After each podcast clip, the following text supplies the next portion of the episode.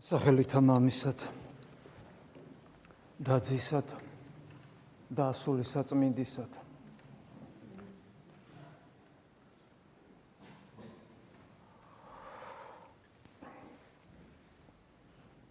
ის რაც გაუგებარია ლოგიკურად და უმძიმესი გადასატანი იყო თავის დროზე მოციქულებისთვის ის რამაც პირველი ქრისტიანები ანუ მოციქულები სასწარკვეთილების ღრამდე მიიყვანა. თუ იმის იქით არა კიდე. რამე თუ ქრისტიანი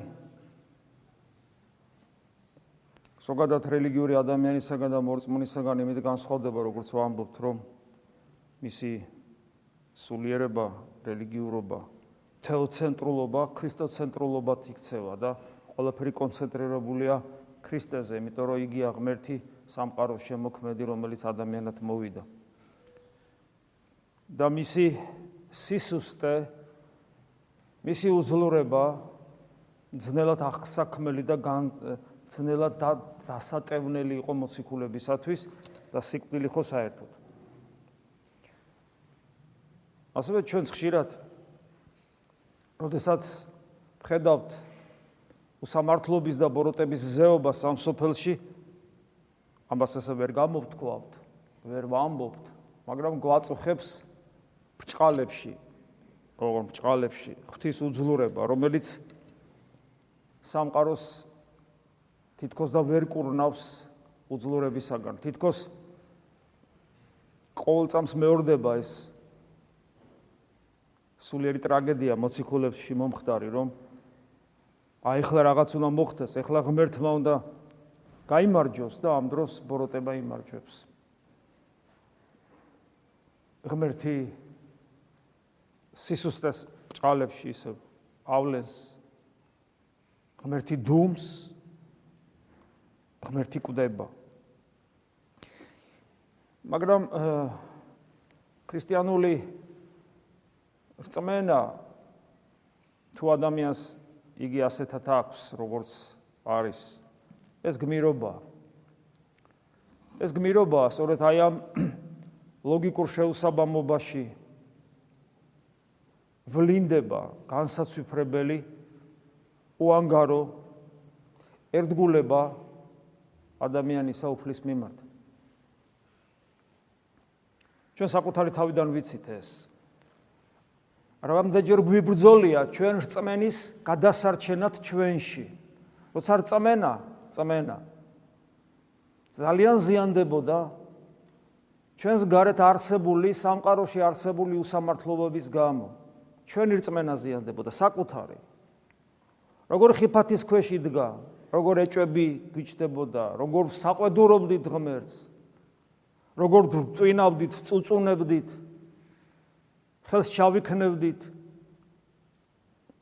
კითხვასაც შეიძლება დავსვავდით. აბა აბა აბა სადახარ? აბა სადახარ? ან უბრაზდებოდით და მას ვაბრალებდით. ასე რომ ღვთის დუმილს და მის სიკვდილს ღვთის სიკვდილს თითოეული ჩვენგანი თითოეული ჩვენგანის რწმენა ჩაუყენებია დაუყენებია ეჭვის ქვეშ და არაერთხელ და ეს მომავალშიც იქნება. ეს გაზელდება მანამ სანამ თელი სისავსით არ გავიცნობთ მას.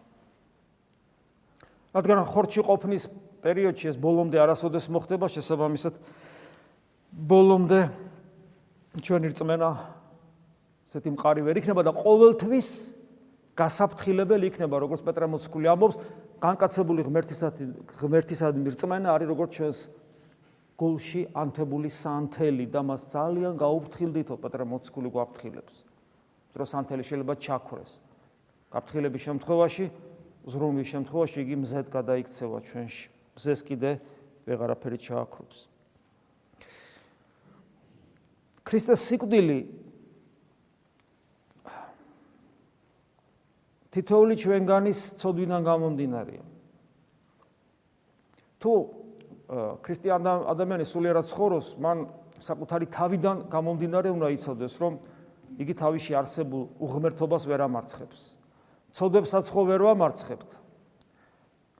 ცოდებს, რომელიც ეგოიზმით, ეგოიზმში, ანგარებაში, სიამაყეში, მრისხანებაში, პატიმოყურებაში, ქვენაგზნობების ძლავრობაში, საკუთარი ნების უკეთურებაში, რაღაცი აღარ ვლინდება უსიყვარულობაში.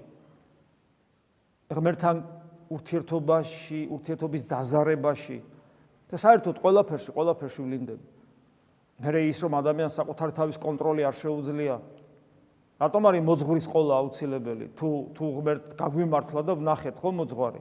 რატომ არის? იმიტომ რომ ადამიანი საკუთარი თავის კონტროლს ვერ ახერხებს. რატომ? იმიტომ რომ ამაყი ამპარტავანია და საკუთარი სიმართლით ცხოვრობს. და მოძღვრისადმინდობა იმაში ეხმარება ადამიანს, რომ მოძღვარი მას გარედან ხედავს და მას შეუულია უთხრას.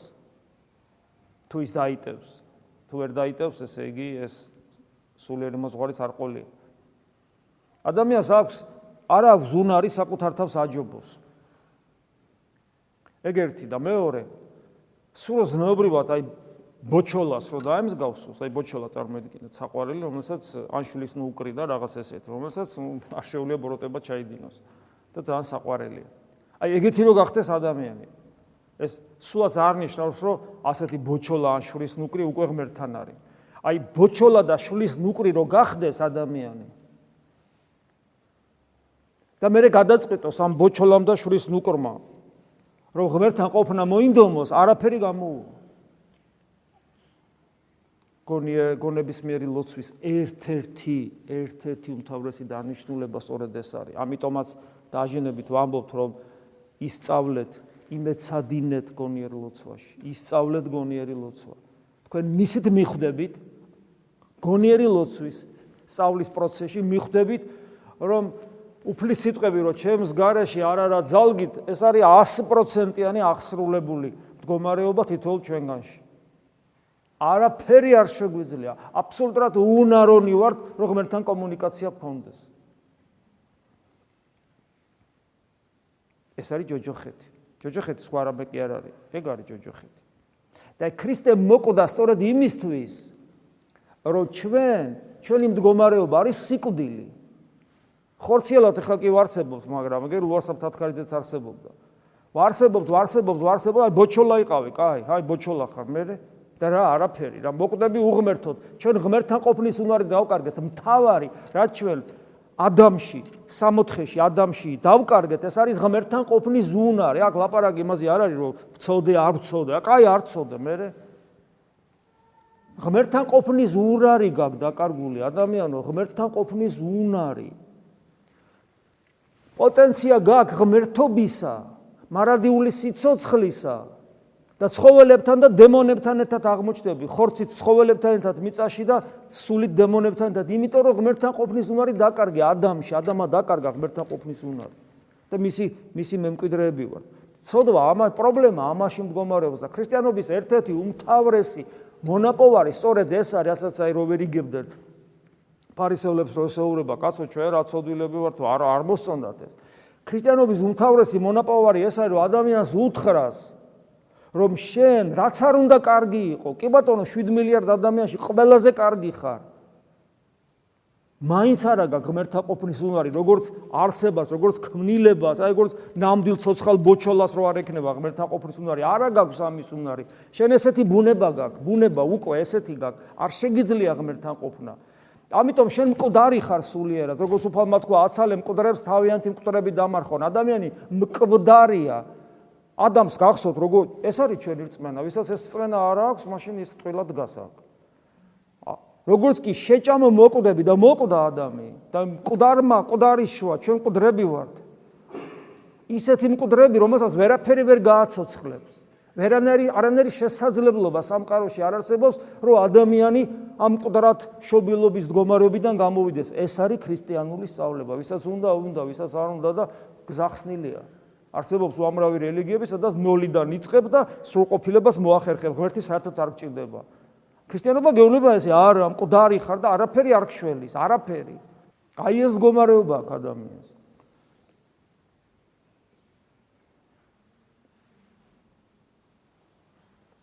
ამიტომ მოვიდა ღმერთი. და ამიტომ შენ რომ ყდარი ხარ და ეს სიკვდილი, სიკვდილი ამ სიკვდილს რომ ვერაფიქსირებ და ხორციელი სიკვდილით ცოტათი მაინც შეიძლება ეს დააფიქსირო, აი იმიტომ მოკვდა, იმ ღმერთი მოკვდა შენს მაგივრად. იმიტომ რომ შენი მდგომარეობა იმსახურებს სიკვდილს და ჩვენ მკვდარნი ვართ სულიერად და ხორციელადაც მალე მოკვდებით, ღმერთი მოდის და მოკვდა ხორცით, იმიტომ რომ შენი დანაშაული მანიტვირთა რომელიც უცოდველი იყო მან ჩვენთვის ცოდვა ხმანა როგორც პავლე მოციქული ამბობს ესეთ ესეთ უცნაურ რამე წერია ძველ ქართულად ესია რომელმა არ იცოდა ცოდვაი მან ჩვენთვის ცოდვა ხმანა. რას ნიშნავს ცოდვა ხმნა ანუ ისეთ მდგომარეობაში მოვიდა ისეთ მდგომარეობაში მოიყვანა საკუთარი თავი საკუთარი ადამიანური ბუნება რომ ის რაც ცოდვის ناقოფი იყო ის მიიღო. ანუ მოკვდა. ხოლო სულით სული, მკვდარი სული სად მიდის? ადამიანის მკვდარი სული. რადგან მკვდარია ჯოჯოხეთში მიდის და ჩავიდა ჯოჯოხეთში. აი დღეს სწორედ ეს დღეა, როდესაც ხორცით არის საფლავში, როგორც ყველა ადამიანი და სულით ჯოჯოხეთში, როგორც ყველა ადამიანი ქრისტეს გარეშე. და სწორედ აი ეს სულით რომ ჯოჯოხეთში ჩავიდოდა თან ბუნებრივად, ბუნებრივად და ეშმაკი როცა გამარჯვებას ზეიმობდა თითქოს რომ აი ეს ყველაზე მართალი ისეთი მართალია რომ ღმერთი შულს უწოდებენ რომ მეც კი ვერ ვაცდუნე უხაროდა. ეს წუხდა ვერ ვაცდუნე უდაბნოში ვერ ვაცდუნე მე აი ხო ხო მოვაკლეინე ხო მოკვდა და ეხა სული ჯოჯოხეთშია ჯოჯოხეთში რო ჩამოდი სულით იქ მივხედავ ესე ფიქრობდა და აი როგორც მე ოქროპირის სიტყვას ავიკითხავთ ამაღამ იქაც ეს კარგად არის და წინა მამები ამბობენ ამ შემთხვევაში ქრისტეს ადამიანური ბუნება როგორც სამჭედური, ანუ ანკესივით იყო. ანკესივით, რომელთაც მოინადირა დიდი თევზი, ანუ ეშმაკი. ანუ ადამიანური ბუნებით, ანუ ადამიანური სულით ჩადის ჯოჯოხეთში, უხარია ეშმაკს, მაგრამ სწორედ იქ იწება, იქ იწება და ამარცხება ბოროტების. იგი ჩადის ჯოჯოხეთში ვითარცა ღმერთი. ანუ საფრთხო ძალმოს, როგორც კრავი აღარ ჩადის. ადამიანური სულით, მაგრამ უკვე იმიტომ ის ადამიანური სული ხო ღმერთს ეკუთვნის და ვითარცა ღმერთი. და აი ეს ყველაფერი, ეს ყველაფერი გაკეთდა იმისთვის, რომ ჩვენ ჩვენ გავყვეთ მას, ჩვენ გამოვხიზლდეთ აი ამ სიკვდილისგან, რომელსაც შეიძლება ძილიც უწოდოთ, თორემ ძილი იმიტომ, რომ ღმერთ შეუულია ჩვენ, სიკვდილი იმიტომ, რომ ღმერთის გარდა ვერავინ გიშველის, ძილი იმიტომ, რომ ღმერთ შეუულია ჩვენი რეანიმაცია, ანუ ჩვენი გაღვიძება. ამიტომ შეიძლება ძილიც უწოდოთ, სულიერი ძილი. და ეს ყველაფერი ხდება ჩვენს გამოსაფხიზლებლად. ადამიანი უბრალოდ რო გაიგებს, რომ ის ისეთ მდგომარეობაში ვარ მე, რომ საჭირო გახდა ღმერთის მოსვლა, თუ რელიგიური გზნობა ოდნავ აქვს ადამიანს, ხო? რელიგიური გზნობა ნიშნავს, რომ აი ღმერთი აინტერესებს. და გაიგო რომ მე ისეთ მდგომარეობაში ყოფილვარ, რომ თავად ღმერთი უნდა მოსულიყო ადამიანად, ადამიანური ბუნება მიიღო, რომ ჩემთვის მომკვდარიყო, ჩემი ჩემი ჩემს მაგივრად მომკვდარიყო, ჩემს მაგივრად ჩასულიყო ჯოჯოხეთში და აი აქედან აი აი ამ ჩემი მდგომარეობა ჩემი მდგომარეობიდან ასე ამგვარად საიდუმლოებრივად განვეკურნე, ხო? ხო ამ ამ სიღრმეს ვერ მივცემთ ახლა ამ საუბარს დრო არ არის. ამიტომ ჩვენი შემობიჯება ეკლესიაში სწორედ აი ამის გაცნობიერებით ხდება, როცა ადამიანი ინათლება, აი როცა ნათლობას ვახსენებთ და ნათლობის აი ამ სიღრმეს ვიხსენებთ, ყოველთვის საშნელი ტკივილი მოდის, როგორ ინათლებიან ადამიანები, დასრული ადამიანები როგორ ინათლებიან და ბავშვები როგორ ინათლებიან, როდესაც მათი ნათლიები და მშობლები ურწმუნონი არიან, ეს არის სრული კატასტროფა. კატასტროფაა ეს ჩვეულებრივი. იმიტომ რომ ჩვენი ნათლობის ძალა წყალში ხო არ არის რა? რაშია ნათლობის ძალა? ნათლობის ძალა წყალში კი არ არის, ქრისტეშია, რომელიც მოკვდა და რომლის რომლის და საფლავში დაიდო და რომ მოკვდა და საფლავში რომ დაიდო, აი ამის სიმბოლური სახეა ნათლობა. სამჯერ წყალში შთაფლა, ამის სიმბოლური სახეა. ანუ თუ ქრისტე არ მოკვდებოდა ჩემი ცოდვებისათვის, ჩემს ნათლობას, წყალში ბანაობას როგორ შეიძლება ჩემი შველა? წყალში შთაფლას ძალა მისა, სახთო მადლი მისა ქრისტეს, ანუ ღმერთის სიკვდილმა. და ადამიანი რო ინათლება დასრული. ამ ბავშვი რო ბავშვს რო ნათლავენ, ისე რომ არავინ აზზე არ არის არაფერზე. ვინ არის ქრისტე? რას ნიშნავს რომ ქრისტე ჩვენი ცოდვებისთვის მოკვდა?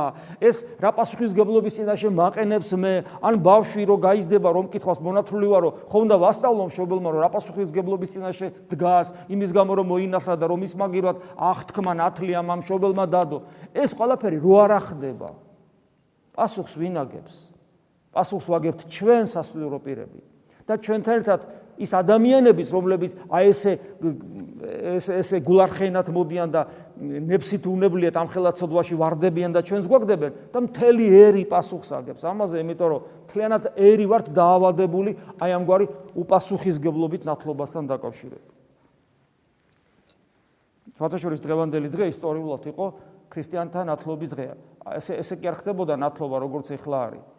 ადამიანი რო გადაწყვეტდა რომ გაქრისტიანებულიყო, ის ჯერ იწყებდა ქრისტიანულ ცხოვრებას, ეს არის. ჯერ ჯერ უნდა შეინანოს და მერე მოინათლოს. იმიტომ რომ ნათლობით ის ხდება სასუფეველის წევრი, ანუ სამეფოს წევრი. შეინანეთ და მოახლოებულარ სასუფეველიცათა, გვასწავლის იოანე და გვასწავლის მერე უფალი. სინანული რა არის? სინანული არის მეტამორფოზის პროცესი. რა არის მეტამორფოზის პროცესი? დინების საწინააღმდეგო ცვლა და ქრისტესკენ სვლა. ქრისტეს მიმართულებით სვლა. ანუ ადამიანი იწყებს ქრისტიანულ ცხოვრებას, სინანულს, გამოხატულს მათ შორის ახსარებებში, ლოცვას, ღვთისმსახურებაზე დასწრებას, წმინდა წერილის და წმინდა მამების კითხვას და მერე ინათლება, მერე და არა მანამდე. და მონათ მოსანათლავ ადამიანს უნდა ესმოდეს ეს სიტყვები, რაც დღეს წავიკითხეთ, მოციქულთა სამოციქულოში. ესე უצחით რამე თუ ძველი იგი კაცი ჩვენი ქრისტესთანა ჯვარს ეცვა. რათა განკარდეს ხორცი იგი ცოდვის, ანუ გაუქმდეს ცოდვის ხორცი ძველი ადამიანი. რათა არ ღარა ვმონებდე ჩვენ ცოდვასა. ეს ჩვენც კი არ ვიცით ხშირად რას ნიშნავს, იმიტომ არ ვკითხულობ. და მოსანათლავმა ეს უნდა იცოდეს, ანა მოინათლება ეს უნდა იცოდეს, რომ ძველი კაცია ჩემში და ესე იგი ქრისტე რო ჯვარს ეცვა ჩემი ჩემი ცოდვის გამო ეს ანუ ჩემში ჩემი ჩემი ესე იგი ჩემი ძველი ადამიანი მასთან ერთად ჯვარს ეცვა ანუ რას ნიშნავს? ჩემში ძველი ადამიანი ცოდვისკენ მიდრეკილი ადამიანი უნდა მოკვდეს. ანუ ფაქტობრივად ქრისტეს ჯვარცმასთან ერთად უნდა მოკვდეს როცა მე ამას გავაცნობიერებ და იმ მის სიკვდილის შესაბამისად სიკვდილის გამო ვინათლები ხოს ნათლობა არის ქრისტეს სიკვდილთან დაკავშირებული. ცოდვის ცოდვის მოკვდინება ხდება. როგორც მე პავლე მოსკული ამბობს რომ ამ სოფლისათვის ჯვარცმულვარ და სოფელი ჩემდა მოჯვარცმულვარს ანუ ჩემსა და ამ სამყაროს ჩემსა და ცოდვას შორის ჯვარი აღიმართა ქრისტესი. ეს უნდა იცოდეს ადამიანმა მოსანათლავმაც და ქრისტიანმაც. რომ მე აღარ მონებდე ცოდვას რა არის ცოდვა ღმერთისაგან დაშორებულობა, უღმერთო ცხოვრება, რომელიც ძალიან აგრესიულია, დინამიურია და მოძალადია, მას აღარ უნდა მომონებდე. თუ ვიტყვი რომ ეს მე არ მაქვს, მე მსგავსები ფარისევლებს, რომელსაც ქრისტე ეუნებოდა, რომლებსაც ქრისტე ეუნებოდა, თქვენ მონები ხართო და როგორ მონები, ცოდვის მონები ხართო და არ ესმოდათ, აი ამაზეა საუბარი. აღარ უნდა მომონებდე. რამე თუ რომელი იგი მოკვდა განმართლებულარ ცოდვისაგან. ადამიანი რომ ყვდება, ადამიანში ძველი კაცი რომ ყვდება, ანუ ადამიანში ძველი კაცი რომ ყვდება, ცოდვისაგან უკვე გათავისუფლებულია, განმართლებულია ცოდვისაგან. თავისუფალია ანუ ცოდვისაგან. მაგრამ ძველი კაცი მკვდარია ჩვენში. ჩვენ ხო ვიცით რომ არ არის მკვდარი, მაგრამ პროცესი მაინც ხო უნდა იყოს. უკვე თუ მოკვდეთ ქრისტესთან, გვწამს, რამე თუ მისთანაცავ ცხონდეთ. ანუ ცხონდება სიცოცხლეს ნიშნავს. ანუ ქრისტესთან, ანუ ისთვის ვართ ეკლესიაში, როგორც უფალი ამბობს, მნებავ, სადაც მე ვარ თქვენც იყოთ. ანუ ჩვენ გვინდა, რომ იმიტომ მოვედით ეკლესიაში, რომ ქრისტესთან ერთად, ანუ განკაცებულ ღმერთთან ერთად მარადიულად ვიცოცხლოთ. ყოლაწმინდა სამების სიახში ეს არ არის როგორც ზეციური მამის შვილებმა.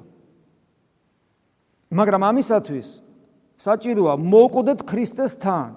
ქრისტესთან ერთად მოუკვდეთ. სხვანაირად ვერ ვიცოცხლებთ მასთან ერთად. გესმით რამ ხელა პასუხისგებლობაა?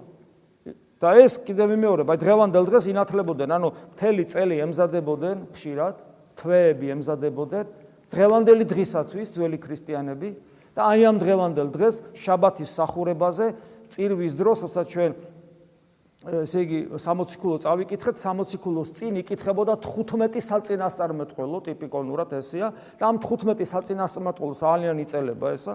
15 საწინასწარმეტყველოს პერიოდში თეთრად შემოსილი კათაკმევლები მოდიოდნენ უამრავი ადამიანი დასრულები ბავშვები და ესე ყველა ზარზემით ინათლდებოდა ინათლებოდა უერთდებოდა ეკლესიას ყველა ერთად ხარობდა ზეიმობდა და მე ყველა ერთად ეზიარებოდა მაგრამ მანამდე თვეების განმავლობაში ემზადებოდნენ. აი სწორედ აი ამ ამ ამ პრინციპით როგორც პავლე მოციქული ამბობს.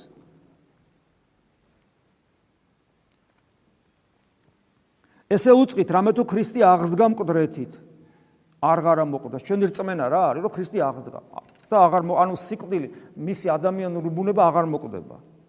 და სიკვდილი მასზე და აღარ მეუფებს, აღარ უფლებს. აღარ ბატონობს მასზე. და მე საუბრობს, რომელი იგი მოკვდა, ცოდვითა მოკვდა ერთგზის, ხოლო რომელი იგი ცხოველარ, ცხოველარს ღვთისა. ანუ ცოდვის გამო იგემა სიკვდილი და ეხლა მარადიულად ცოცხალია.